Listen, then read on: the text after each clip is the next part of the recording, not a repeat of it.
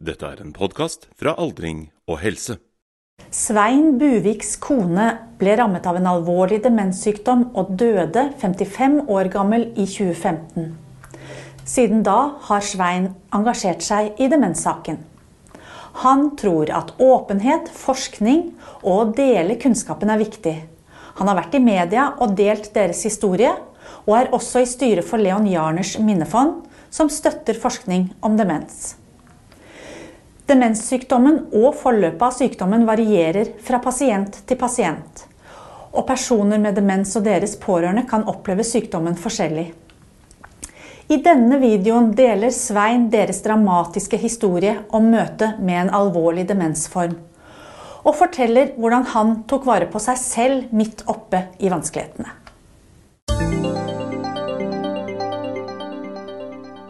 Jeg skal fortelle om eh, det å være pårørende til en ganske så ung og sprek kone som fikk en alvorlig demenssykdom. Grunnen til at jeg har lyst til å fortelle min historie, er at jeg mener at eh, det å være åpen, det å dele erfaringer og kunnskap, det vil også hjelpe andre. Et ordtak som heter at når alle lærer av alle, så blir alle bedre. Og med den bakgrunnen så har jeg valgt å dele min historie. Og hvis noen Hvis det da gjør det litt lettere for andre å også være åpne med sin historie, så tror jeg det kan være bra. Min historie begynner noen år tilbake. Eh, I februar 2014 så valgte jeg å ringe til demenskontoret i Fredrikstad, eh, der hvor vi bodde.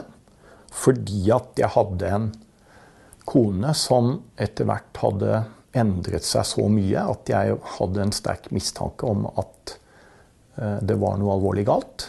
Og jeg tenkte at jeg måtte ha hjelp fra noen.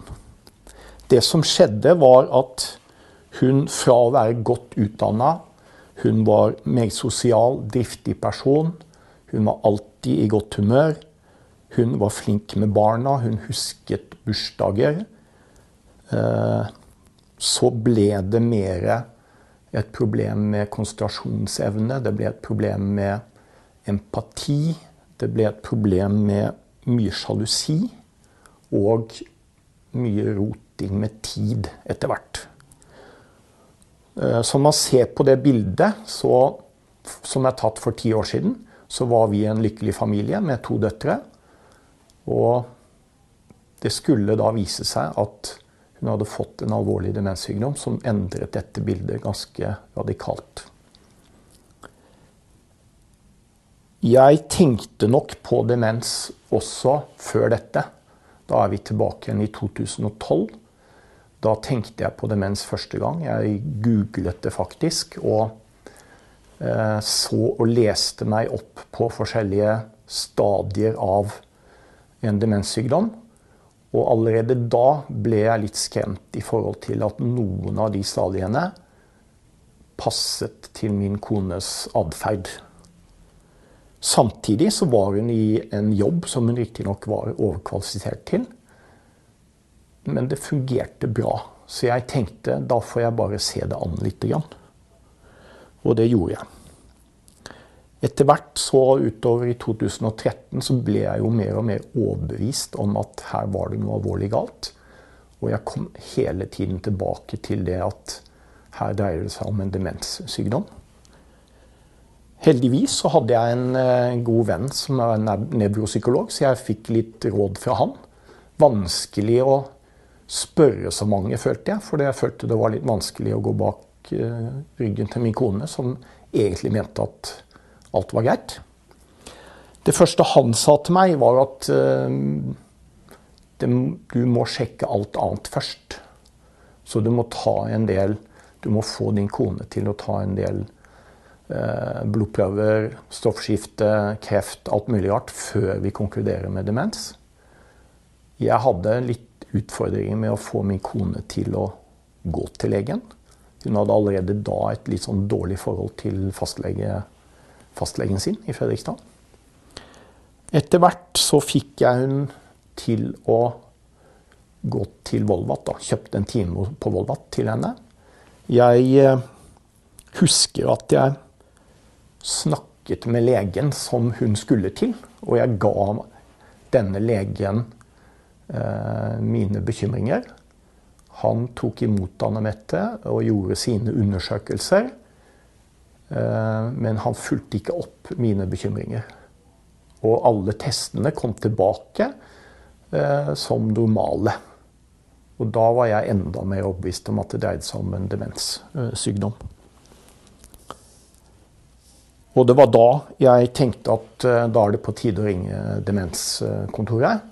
Og det var, selv om jeg innerst inne visste hva dette dreide seg om, så var det allikevel en terskel for meg å ta opp den telefonen og ringe. Så jeg nølte litt, men jeg gjorde det til slutt. Og da snakker vi om februar 2014. Og i ettertid så har jeg hatt en fantastisk bra opplevelse med det å få hjelp fra et demensteam. Så der er det eh, der Jeg oppfordrer alle til å ikke nøle med å ta kontakt. I eh, denne perioden så var jo ikke min kone med på at det var noe galt med henne. Hun hadde ingen forståelse av det. Jeg snakket med henne om en del ting, at hun begynte å rote litt med tid. Hun kunne stå opp midt på natten for å gå på jobb. Hun var fortsatt i jobb, faktisk, høsten 13. Eh, og jeg begynte å snakke med henne om litt, litt av dette. Da ble hun bare litt fjern for meg. Jeg fikk ikke noe særlig kontakt med henne, og hun var ikke med på å ha en diskusjon om det. Så da var det fra eh, våren 14 så var det da å jobbe med å få en diagnose. Eh, jeg jobbet både, både faktisk mot, litt mot legekontoret, fastlegen, og min kone, for hun hadde jo da ingen forståelse av situasjonen. Så jeg jobbet med å få frem bekymringsmeldingene mine til fastlegen. Og der må jeg si at jeg møtte en, en mur av legesekretærer, for, for, å si det sånn. Det var vanskelig å komme forbi det. Det var eh, et legekontor som Det var en del permisjoner, det var vikarer. Eh, og jeg sto i endeløse telefonkøer for å komme igjennom. Og hvis jeg kom igjennom, så ble jeg bare lovt at noen skulle ringe meg tilbake, og det skjedde aldri. Og da tenkte jeg at nå må jeg gjøre noe, noe annet. Så da fikk jeg hjelp av demensteamet. Jeg fikk hjelp av kommuneoverlegen i Fredrikstad, som da har ansvaret for fastleger, og sa at dette er ikke holdbart. Og da fikk jeg litt hjelp til å komme inn til legen med bekymringsmeldingen. Fortsatt litt problemer med å få Anne Mette til å være med på legebesøk. Det gikk noen ganger, og den andre gangen gikk det ikke. Eh, jeg husker selv at jeg tok jeg tok faktisk en av legetimene som Anne Mette ikke ville ha, bare for å komme i inngrep med legekontoret. Da ble nok den litt unge legen litt overrasket over at det var jeg som stilte opp. Eh, da fikk jeg i hvert fall en dialog med de, og hun forsto hvor jeg kom fra. Og jeg trodde at nå var det endelig etablert et forhold til fastlegen, sånn at vi kunne gå videre. Så viste det seg et, en liten periode, det gikk heldigvis fort over, en liten periode så var det da noen diskusjoner tydeligvis med eldre leger på dette fastlegesenteret.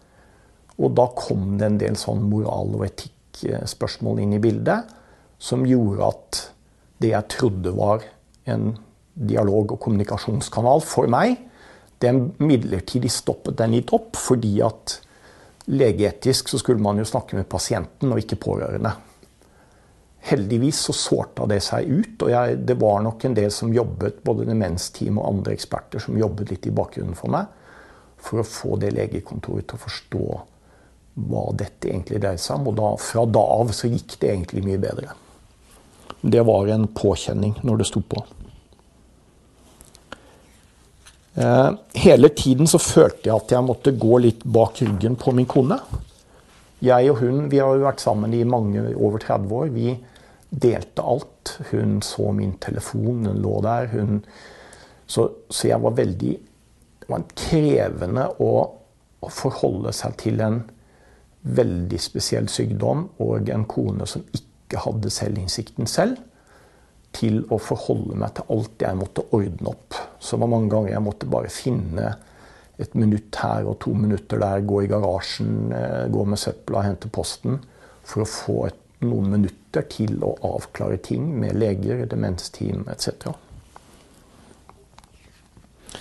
Så eh, fikk vi da fra eh, Fra jeg ringte demensteam i februar 14 og jobbet meg gjennom eh, fastlegen, så fikk vi da en MR-undersøkelse av Anne Mette i mai 14. Fire måneder med veldig mye frustrasjon fra mitt ståsted. For noen vil det kanskje fortone seg som en ganske kort periode. For meg var det en veldig lang og krevende periode. Så gikk det litt fortere heldigvis etter det, og vi kom inn på Hukommelsesklinikken i Oslo. Og fikk avtale med doktor Wetterberg, som er en ekspert på, på dette med demens, 2.6. Og han husker jeg, han eh, fortalte meg at det var ikke alltid lett å se hva, hva slags demens, eller om det er en demens, ut fra bilder. Men han mente så veldig klart og tydelig hva det gjaldt eh, med Anne Mette. da. Og han diagnostiserte det til en frontallappdemens. Og han sa det var veldig sjelden at man kunne se det så tydelig. Jeg husker at jeg den gangen var jeg 57 år. Jeg husker jeg sa til dr. Wetterberg at jeg kan jo Jeg har en avtale, så jeg kan pensjonere meg når jeg er 60. Da husker jeg han sa den så god tid har du kanskje ikke.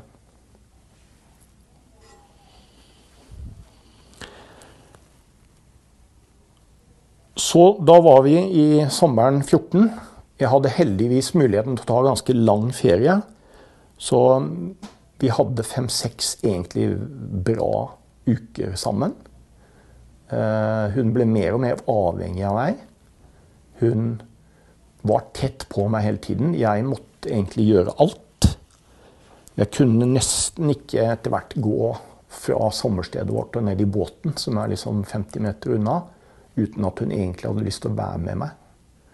Så hun var veldig avhengig av meg. Eh, og jeg så etter hvert at det å ha hun boende hjemme alene, det turte jeg ikke lenger. Og da hadde jeg allerede begynt å snakke med kommunen om sykehjemsplass og tiltak. Men hele den sommeren så gikk Forverringen var så klar og tydelig at hadde vi diskutert et dagtilbud eller noe tilpasning hjemme i en uke, så var det nesten gått ut på dato to-tre uker senere. Så når jeg måtte jobbe litt, for det hadde jeg bestemt meg for at jeg må fortsette i jobben min, det er ikke noe alternativ å bare kaste alt og være hjemme, så måtte jeg ha hjelp av familie og venner for å passe på min kone. Jeg turte ikke å la henne være aleine. Midt oppi dette så fikk min eldste datter et, et barnebarn. Og det hadde hun da ikke hun, hun, var selvfølgelig interessert i det, men ikke, ikke, så mye som hun burde være, etter min mening, som en mor. Så det var litt sånn Det var litt vanskelig og tungt for min datter også.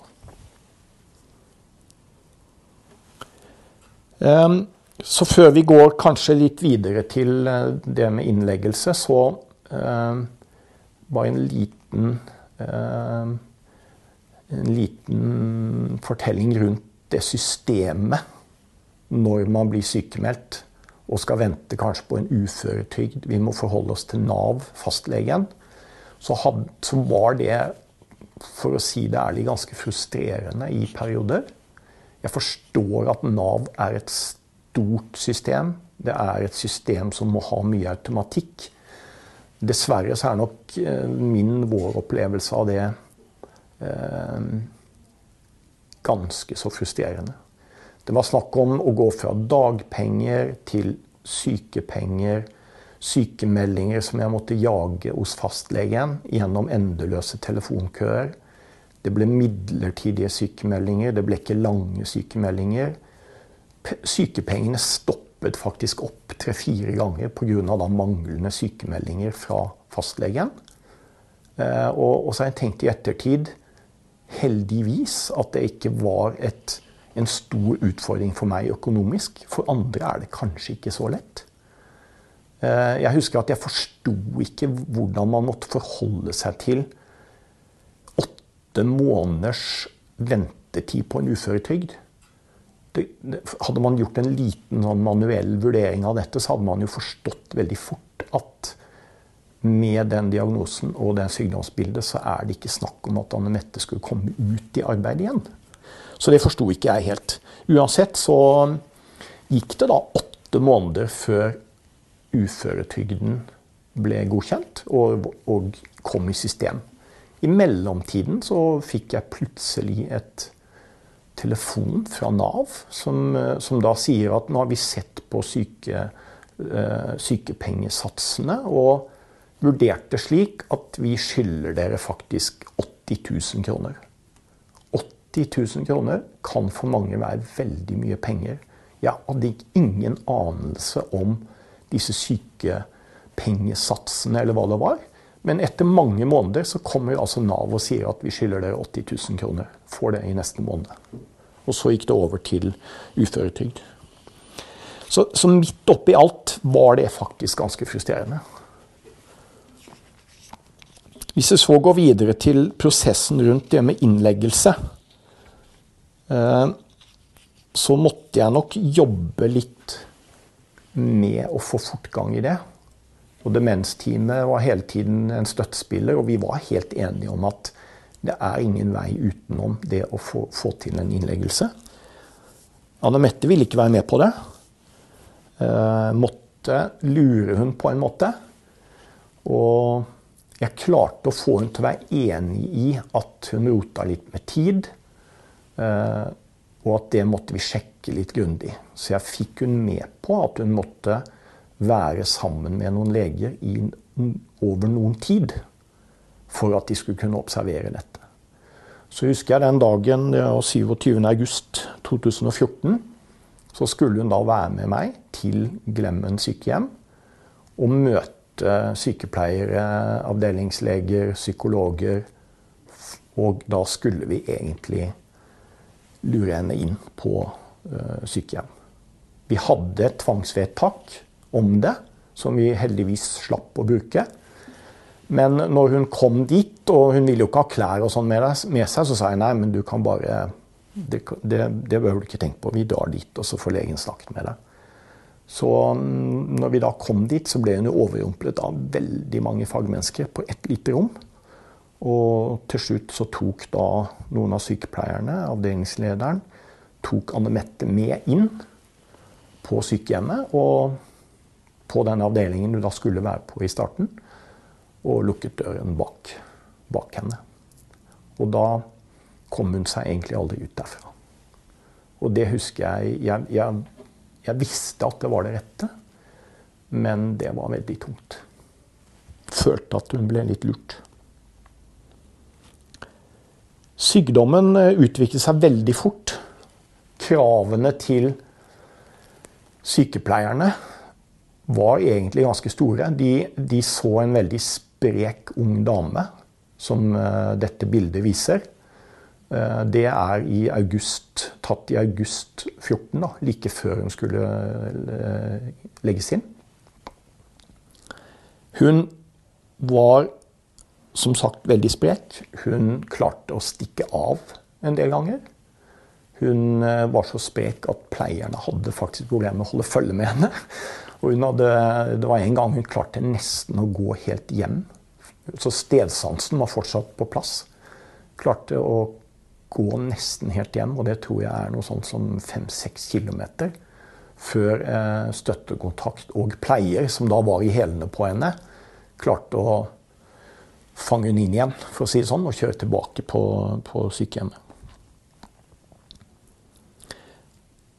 Det var litt jobb med å få til god nok bemanning på dette eh, sykehjemmet, på den avdelingen, hvor det vanligvis er to stykker som passer på åtte pasienter. Og vi fikk til et vedtak på én-til-én oppfølging med Anne Mette, for det tenkte hun. Litt jobbing med å få det på plass. Når det kom på plass, så begynte det å fungere veldig bra. Så alt i alt så vil jeg si at min opplevelse av den omsorgen og den hjelpen vi fikk fra både demensteam, alderspsykiatrisk, hukommelseklinikken, pleierne, er egentlig veldig bra. Så jeg har ingenting å klage på, selv om jeg altså til tider måtte jobbe hardt for å få det jeg følte jeg hadde krav på. Eh, så hva gjorde vi da? Jeg besøkte Anne Mette ganske ofte. Jeg var en del på reise. Jeg fortsatte i jobben min, eh, som krever en del reising. Eh, jeg var nesten alltid hjemme i helgene. Og da var hun så sprek at vi, eh, vi kunne gå ut fra sykehjemmet og vi kunne gå lange turer i Fredrikstadmarka. Vi kunne mate endene som hun likte. Og det gikk helt fint i høsten 14 og litt utover våren 15. Så begynte det etter hvert å bli litt problemer med noe som noen definerte som en droppfot. Hun snublet litt ofte. Så vi måtte passe mer på. Vi måtte leie henne så ikke hun skulle falle og slå seg. Eh, litt, eh, litt mindre villig kanskje til lange turer. Eh, hun ble tynnere. Hun fikk problemer med å svelge mat. Kunne sette ting fast i halsen. Så pleierne måtte etter hvert begynne å tenke fort på hvordan man får, får igjen mat, rett og slett. Måtte mose maten. Taleevnen forsvant, så det var veldig vanskelig å kommunisere med min kone. Eh,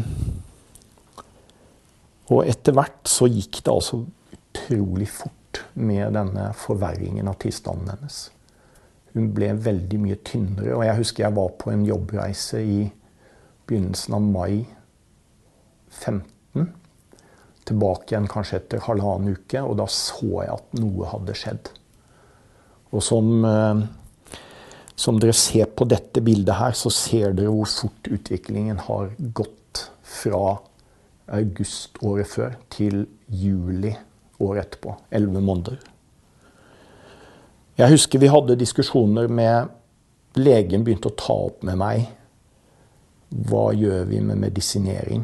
Nå har hun, når hun begynt, begynt, å få veldig mange sånne luftveisinfeksjoner og viruser og antibiotikabehandling. Så vi hadde allerede begynt å snakke om at på et eller annet tidspunkt så, eh, så må vi diskutere hvor mye vi skal holde på med antibiotika så gikk det så fort at vi kom aldri til den diskusjonen der. Det ble to-tre eh, infeksjoner, lungebetennelser, på rappen egentlig, i juli. Og så døde hun da 28. juli, stille og rolig, av en lungebetennelse. Og da var hun 55 år gammel. Og bare gått halvannet år siden jeg ringte demenskontoret i Fredrikstad.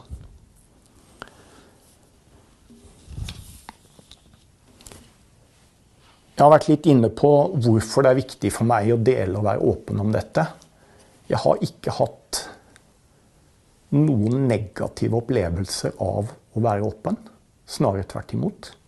Så jeg vil bare anbefale egentlig at folk er åpne om det, for det hjelper å kunne snakke om det. Og jeg tror at å fortelle min historie, det hjelper kanskje også litt uh, helsepersonell til å forstå hvordan det er å være pårørende. Det hjelper kanskje litt i forståelsen av hvordan Nav og fastleger bør ta slike bekymringsmeldinger alvorlig. Og jeg har brukt litt energi, og det, det gir meg energi, på å øke min egen kunnskap. Jeg er med i Jarner-stiftelsen, som driver med eh, kunnskapsformidling om demens. Og de driver også med forskning på demens. Så, så, det gir meg veldig mye. Jeg deler historien for at vi skal komme på et bedre sted og forstå hvor alvorlig en demenssykdom kan være. Vi trenger mer kunnskap. Jeg har noen ganger blitt spurt om hvordan jeg opplevde denne perioden selv. Hva, hva gjorde jeg for å ta vare på meg sjøl? Uh, ja, I perioder før Anne Mette kom på sykehjem, så følte jeg ikke at det var veldig mange jeg kunne dele, dele det med.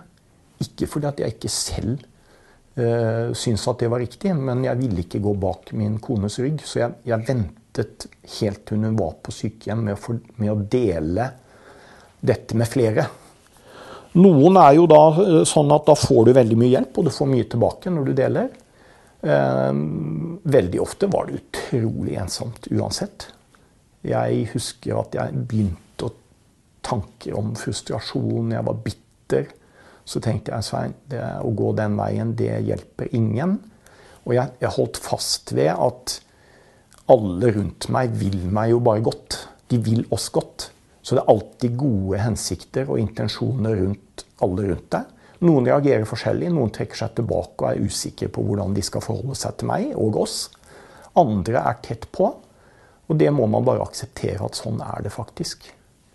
Så mm, når jeg fikk lagt vekk denne bitterheten og frustrasjonen på at dette her var ikke rettferdig, så følte jeg at det gikk sånn rimelig greit. Og så har jeg et aktivt uh, liv. Jeg reiser mye, jeg trener mye. Og hver gang jeg satt i min kall det ensomhet i helgen og sånt, så, og ble rastløs, så tenker jeg da får jeg bare komme meg ut. Gå en tur, løpe, svette litt. Og det hjalp som regel veldig bra for meg.